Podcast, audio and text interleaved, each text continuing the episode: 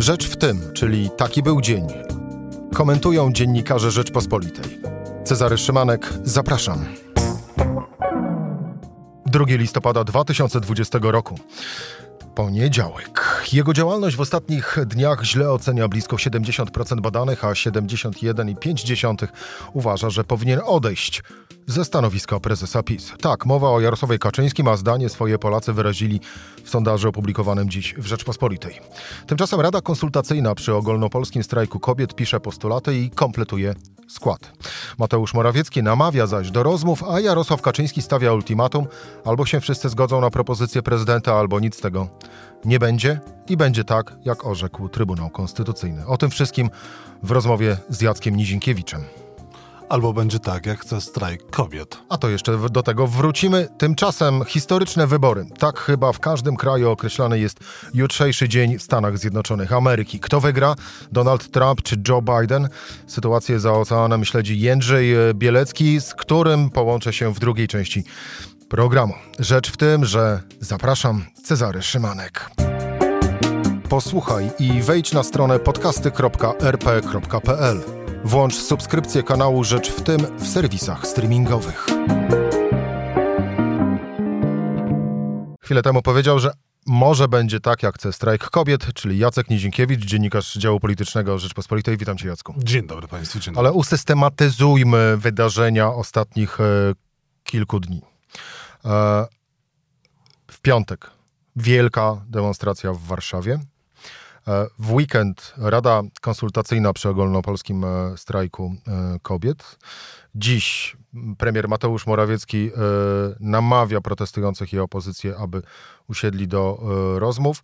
A z kolei Jadwiga Emilewicz, była wicepremier, ma być twarzą prac w Sejmie nad pomysłem prezydenta, przy czym Jarosław Kaczyński mówi, że albo wszyscy, albo nikt. W którym miejscu politycznie w tej chwili na Twoje oko jesteśmy? Jesteśmy w takim miejscu, e, co do którego powagi nie zdaje sobie sprawy według mnie ani Jarosław Kaczyński, ani prezydent Andrzej Duda, e, ani premier Mateusz Morawiecki i chyba nawet opozycja. Dlatego, że tak naprawdę to, co dzieje się na ulicach Warszawy i wielu innych miast, e, to. Ja bym ma... powiedział w tym momencie, że tak naprawdę o wiele ważniejsze jest to, co dzieje się na ulicach małych miast, a nie tylko i wyłącznie to, co dzieje się w Warszawie, bo to faktycznie niespotykane od wielu, wielu lat momenty i dni, kiedy na, w małych miasteczkach wychodzą ludzie, trzymając w rękach te same transparenty, co w tych niby wielkich miastach. Powiedzmy sobie to, co jest najważniejsze.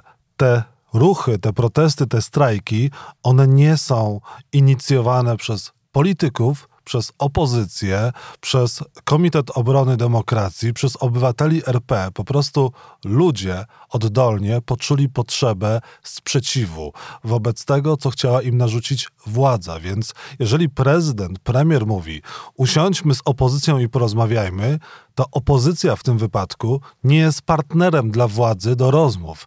Partnerem dla władzy, jakkolwiek by to nie brzmiało, jest dzisiaj ulica. To ulica narzuca e, ton polityce dzisiaj, tym wydarzeniom, z którymi my się mierzymy od kilku dni i będziemy się mierzyć, bo według mnie my jesteśmy dopiero przed szczytem protestów w Polsce e, i tak naprawdę dzisiaj Polska płonie na czerwono od kolorowych rac. Jeżeli e, rządzący nie spróbują znaleźć jakiegoś konsensusu, porozumienia, to wkrótce może dojść do tego, że Polska za, za, na czerwono, ale od krwi spłynie. No, nie idźmy w takie drastyczne... I to brzmi, i to brzmi, nie, ja jednak zaryzykuję. Ja właśnie w to pójdę, dlatego że uważam, że to jest ogromne ryzyko. W dużych miastach, w małych miastach, gdzie naprzeciwko tych ludzi wychodzą napaleni, naładowani adrenaliną narodowcy, którzy szukają, szukają zaczepki i szukają naprawdę problemu i to się może źle skończyć, więc ja wolę jednak zaryzykować, nawet przesadzić, ale ostrzegając, żeby do, po prostu nie doszło do rozlewu krwi, bo jeżeli dojdzie do jakiegokolwiek e, takiego ulicznego rozstrzygnięcia, e, dojdzie do tego, że będą osoby ranne, albo nawet może być gorzej, a wiemy na świecie dochodziło do tego typu zamieszek i były przy okazji ofiary. Nieplanowane, ale były ofiary. Tak to nie można sterować psychologią tłumu. To nie jest takie łatwe, jak się niektórym wydaje. To nie jest rozgrywka, to nie jest e, marsz, jakiś apel i tak dalej. To jest żywy tłum, żywe emocje i to się łatwo może wymknąć spod kontroli. Więc jeżeli e, rządzący nie usiądą do rozmów, nie zaczną, e, nie, nie spróbują się wycofać z narzucenia tego prawa, zaostrzenia prawa aborcyjnego, to to może się skończyć kryterium ulicznym, czytaj e, zamieszkami, e, utratą przez kogoś zdrowia, a nawet życia. I za to będą odpowiadać rządzący, a nie żadna opozycja, nie żadna Marta Lempart, nie żaden strajk e, kobiet, e, tylko będzie, będą odpowiadali za to rządzący. Rządzący politycy, w których rękach jest odpowiedzialność za to, co się dzieje w kraju, na ulicach dużych miast i tych małych miasteczek, o których wspomniałeś, małych miejscowości. Moje stwierdzenie, że nie idźmy w stronę e, hasła rozlewu krwi, bardziej miałem wtedy e, na myśli potencjalną e, reakcję e, służb mundurowych, bo pamiętam jak te protesty się zaczynały, no to tutaj też wszyscy się nad tym zastanawialiśmy, jak będzie policja na to wszystko reagować. Natomiast faktycznie e, chuligani, narodowcy, kibole, no ich reakcji nie jesteśmy w stanie przewidzieć. Mało tego, patrząc na wydarzenia, które w Warszawie z piątku, no faktycznie te reakcje mogą być drastyczne ze strony oczywiście owych, nazwijmy to u, u, umownie e, kiboli narodowców, chuliganów, e, łamane e, każde słowo, każde słowo na siebie. Rozmowy. Mi, tego, czego mi zabrakło w wystąpieniu Mateusza Morawieckiego, i które tak naprawdę byłoby, no w pewnym sensie trochę by uwiarygadniało jego wolę. Zabrakło mi wskazania terminu pod tytułem, no to czekam na was, protestujący, tego i tego dnia, na przykład no jak jeżeli nie fizycznie, e, z zachowaniem oczywiście kry, e, odstępu z wszystkich zasad epidemicznych, no to czekam na was na przykład o tej godzinie na platformie jakiejś wideo. Proszę bardzo, zapraszam. Punktem wyjścia premiera powinno być, słuchajcie, wróćmy do tego, co było wcześniej, czyli wróćmy do tego kompromisu, ponieważ wola wyborców, wola Polaków jest dla mnie najważniejsza, a nie wola e, Trybunału Konstytucyjnego, nie wola większości, czyli siły, bo my tak naprawdę mamy władzę, więc my możemy wszystko. Nie, rządzący nie mogą wszystkiego. Ten kompromis aborcyjny przez wiele lat trwał również z zarządów Prawa i Sprawiedliwości, zarządów Lewicy i dzięki temu y, nie dochodziło właśnie do tego typu sytuacji skrajnych, z którymi teraz mamy miejsce, bo to jest sytuacja skrajna. E, I chyba premier Mateusz Morawiecki nie zdaje sobie sprawy z sytuacji, w jakiej się znaleźliśmy z jeszcze innego powodu. Dlatego, że ten bunt, który teraz jest na ulicach e, polskich miejscowości, on jest, stał się modny. Ludzie mają zamknięte knajpy, restauracje, większość miejsc, do których wychodzili, potrzebują wyjść gdzieś, dać upust swojej złości, swojej frustracji, a swojej e, niezgodzie na sytuację, w której się znaleźli i ten bunt stał się młody. Ja znam bardzo wiele osób e, w swoim otoczeniu, które zupełnie, zupełnie przez lata nie angażowały się politycznie, w ogóle nie mają nawet poglądów e, politycznych, tak? Są w Polsce osoby, które nie mają poglądów politycznych, są zupełnie poza polityką.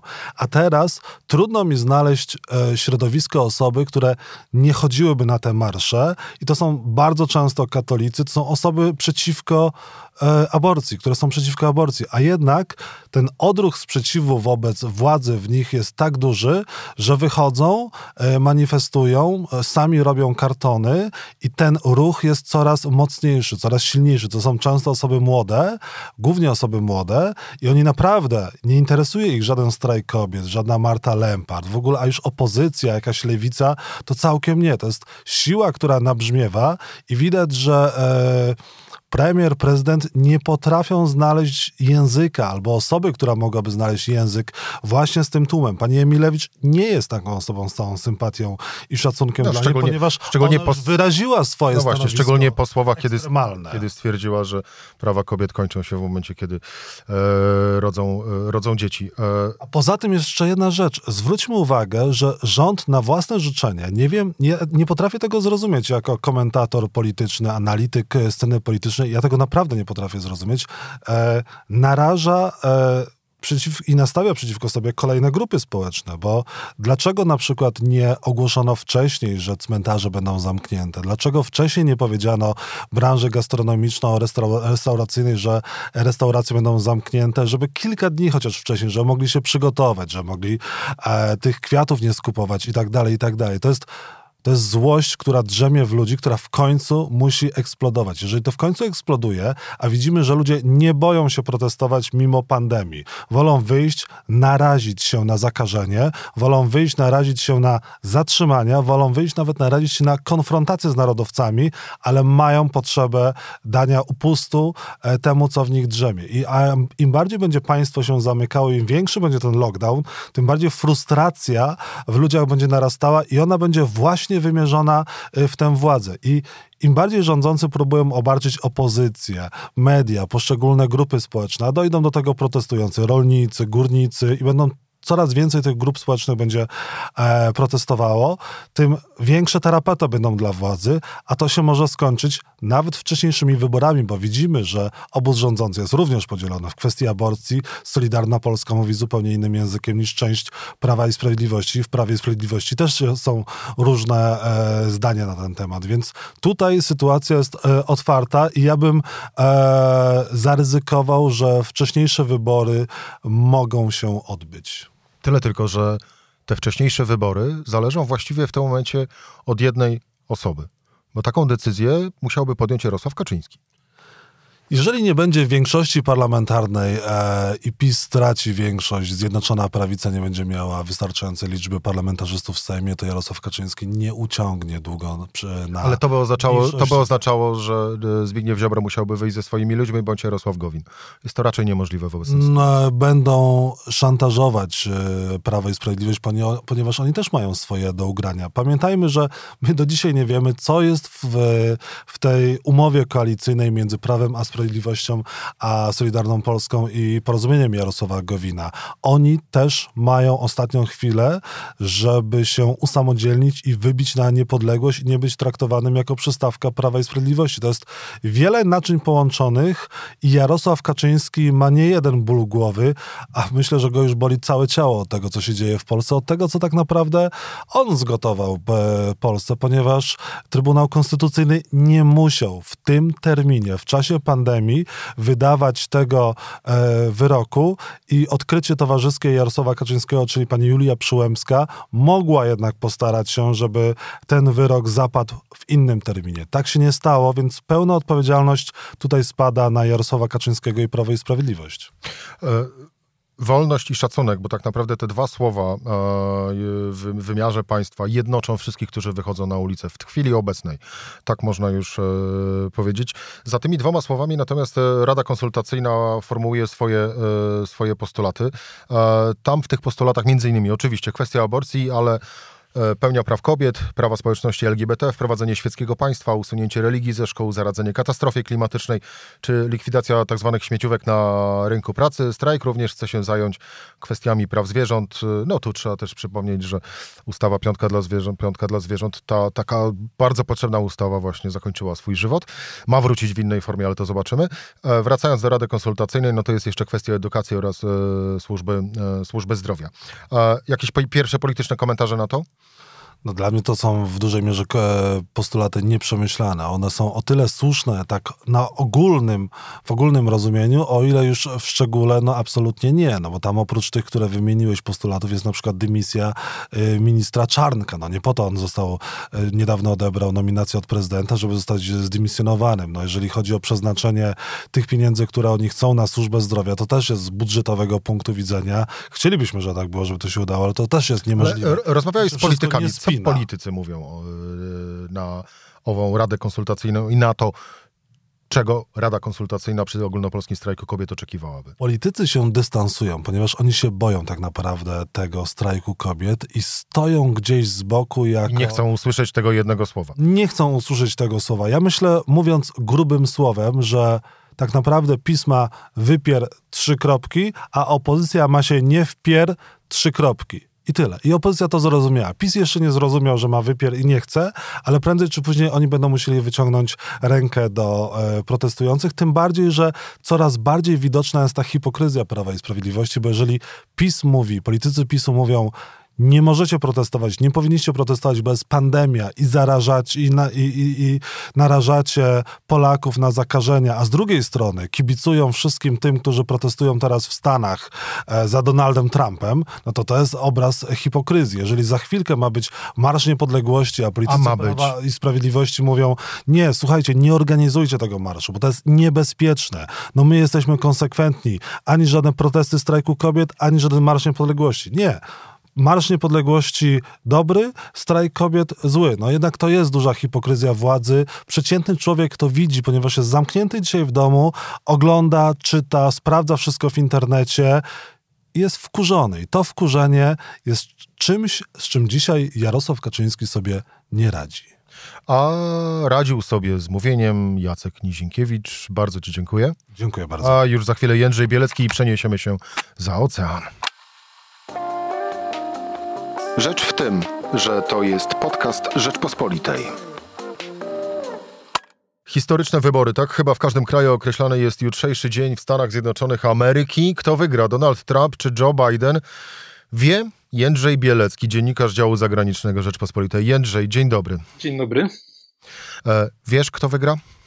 Nie, nie wiem, bo było niesłychanie ryzykowne w tej chwili mówić, y, kto wygra. Cztery lata temu tak jak ogromna większość, prawie wszystkie y, instytuty badania opinii publicznej, wydawało mi się, że wygra Hillary Clinton.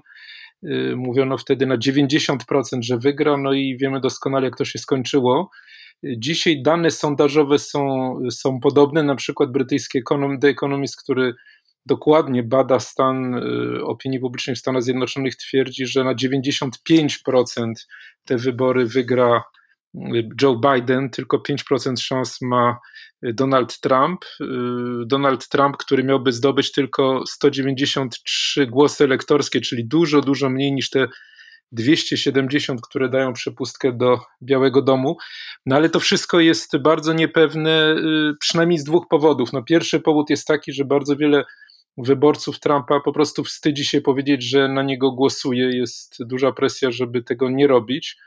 Y, a drugi powód jest taki, że te, te założenia, na przykład cytowane tutaj obliczenia y, brytyjskiego ekonomista, zakładają, że takie kluczowe, wahające się stany, swing states, jak to się mówi w Stanach Zjednoczonych, jak na przykład Floryda czy Pensylwania, y, będą głosowały jednak na Joe Bidena, a tymczasem to są bardzo niewielkie różnice w głosach. Jeśli weźmiemy na przykład Florydę, no to tam kluczowa jest y, kluczowe jest, są, jest głosowanie y, osób, które żyją w hrabstwach położonych wzdłuż y, przecinającej ten stan autostrady numer 4 to są bardzo niewielkie różnice, dlatego że północ i południe, taka bardziej prowincjonalna, będzie głosowała na Trumpa, natomiast Miami, Palm Beach, wielkie aglomeracje będą raczej głosowały na, na Bidena.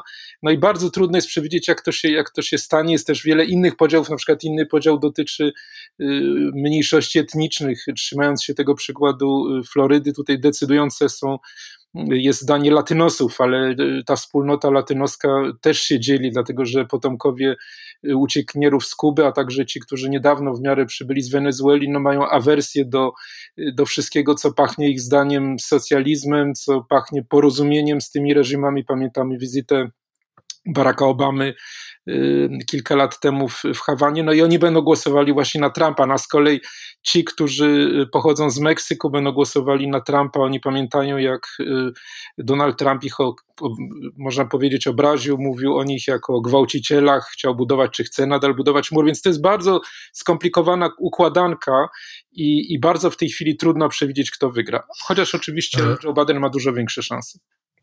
Wynik, e, właściwie ostateczny obraz owej układanki poznamy być może w środę, a być może później, prawda? Tak, no nie jest to absolutnie pewne. Y, dlaczego? No przede wszystkim dlatego, że aż 90 milionów y, wyborców w Stanach Zjednoczonych skorzystało z możliwości głosowania wcześniej, głosowania korespondencyjnego.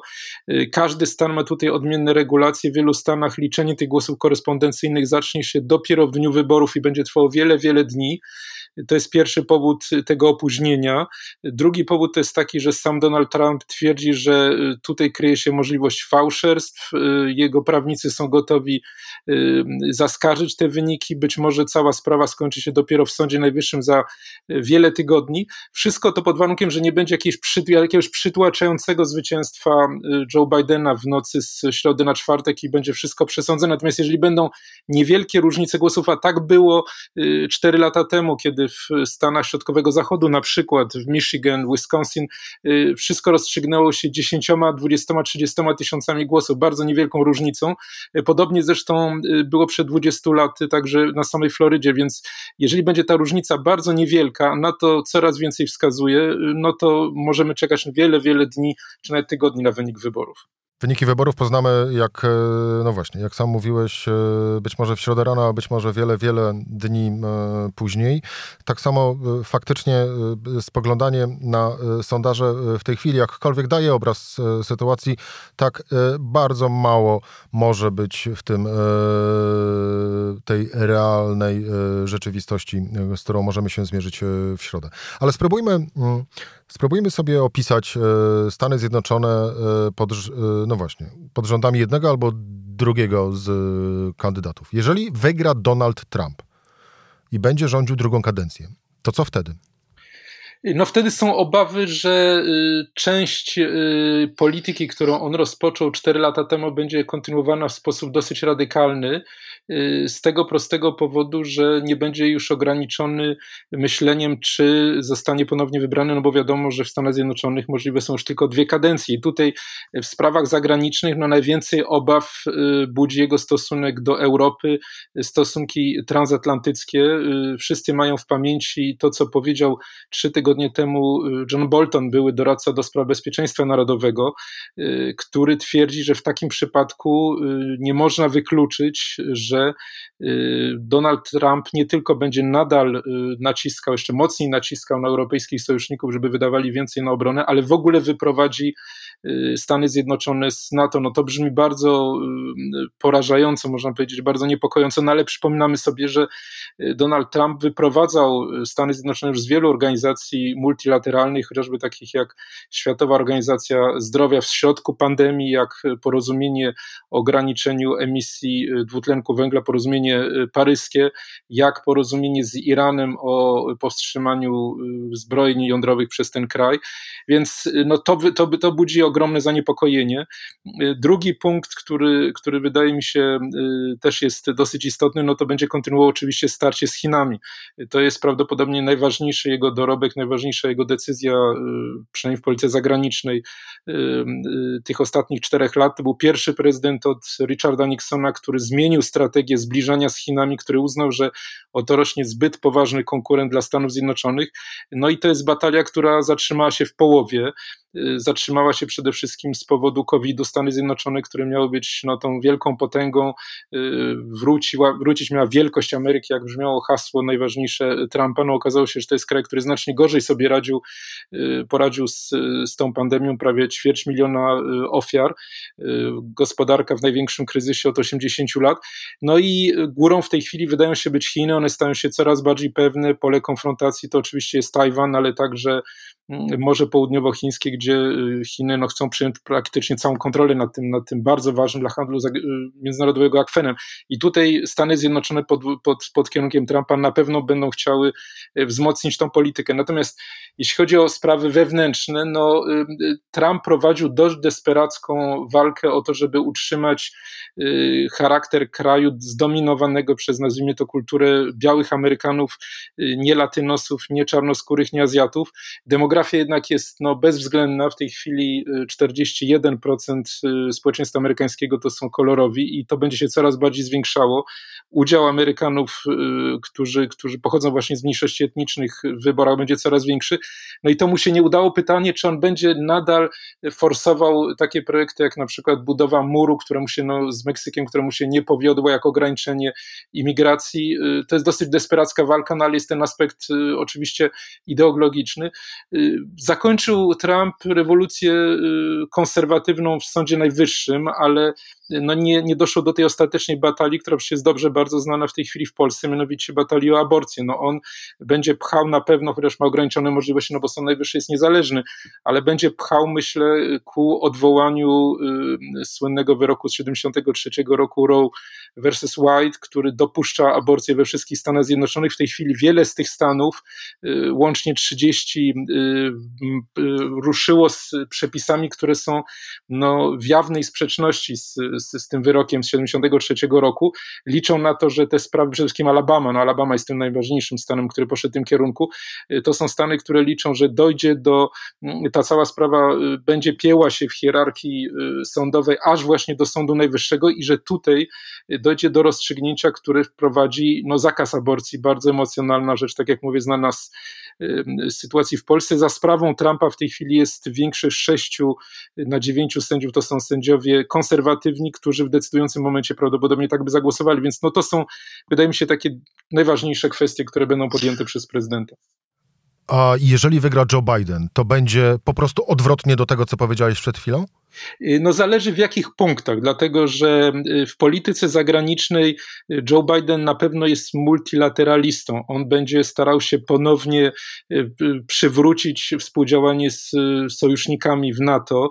Zapowiedział powrót do, do porozumienia klimatycznego, paryskiego porozumienia klimatycznego, powrót do Światowej Organizacji Zdrowia, powrót Stanów Zjednoczonych do porozumienia z Iranem ale to wszystko będzie y, mniej ważne w stosunku do najważniejszej kwestii y, dla Ameryki w tej chwili, to jest tej wielkiej konfrontacji z Chinami i tutaj to jest może dosyć zaskakujące, otóż Joe Biden jest jeszcze większym jastrzębiem niż Trump, on mówi na przykład, że chce przesunąć 60% y, amerykańskiej marynarki wojennej właśnie w rejon Chin, że chce bezwzględnie wspierać Tajwan, sprzedawać mu jak najnowsze zbrojenia, on wielokrotnie się spotykał z przewodniczącym Xi wie, wie, wie, że to jest bardzo twardy przeciwnik, więc y, temu będzie, będzie podporządkowana cała polityka Stanów Zjednoczonych, y, także wobec Europy, dlatego że w Europie, no, y, jak gdyby było, jest próba znalezienia takiej pośredniej drogi, było wiele konfliktów między Stanami Zjednoczonymi, na przykład a Wielką Brytanią, czy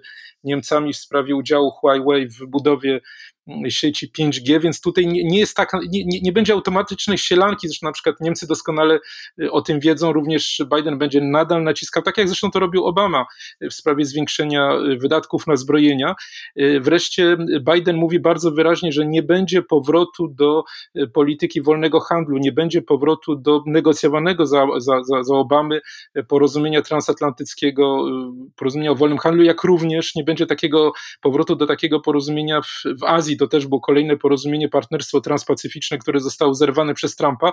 No i Biden zdaje sobie doskonale sprawę, że oczekiwania wielu Amerykanów, to jest, to jest klasy średniej, mieszkańców środkowego zachodu, tych stanów uprzemysłowionych, którzy bardzo ucierpieli z powodu masowego importu z Chin, no oni nie życzą sobie powrotu do tego, więc w tych kluczowych dwóch punktach no nie będzie, nie będzie zmiany, wydaje mi się, w stosunku do polityki Trumpa. Wreszcie bardzo ważna dla Polski rzecz, chyba kluczowa, mianowicie w stosunki z Rosją. Tutaj również nie będzie Y, moim zdaniem zmiany y, y, Joe Biden jako wiceprezydent, a przedtem przez kilkadziesiąt lat jako, jako senator ze stanu Delaware, no, za, przyjmował bardzo twardą postawę. Przypomnijmy, że odegrał kluczową rolę w przyjęciu Polski do, do, do, do NATO, w zatwierdzeniu przez Senat poszerzenia NATO w 1998 roku głosowanie. No i potem był zwolennikiem wstrzymania budowy Nord Stream 2, bardzo mocno zaangażował się na rzecz Ukrainy Ukrainy po zajęciu przez Rosję Krymu.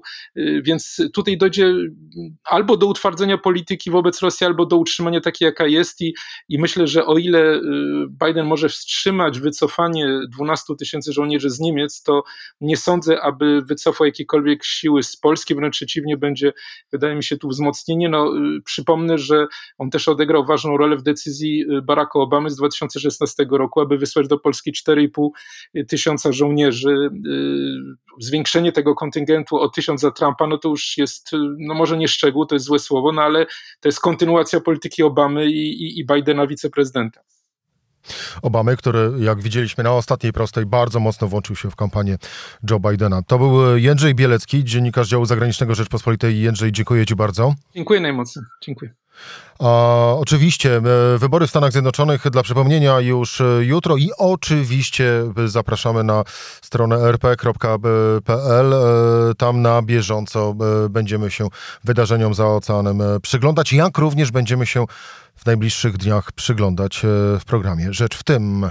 To była Rzecz w tym w poniedziałek. Cezary Szymanek, do usłyszenia i zapraszam jutro o tej samej porze.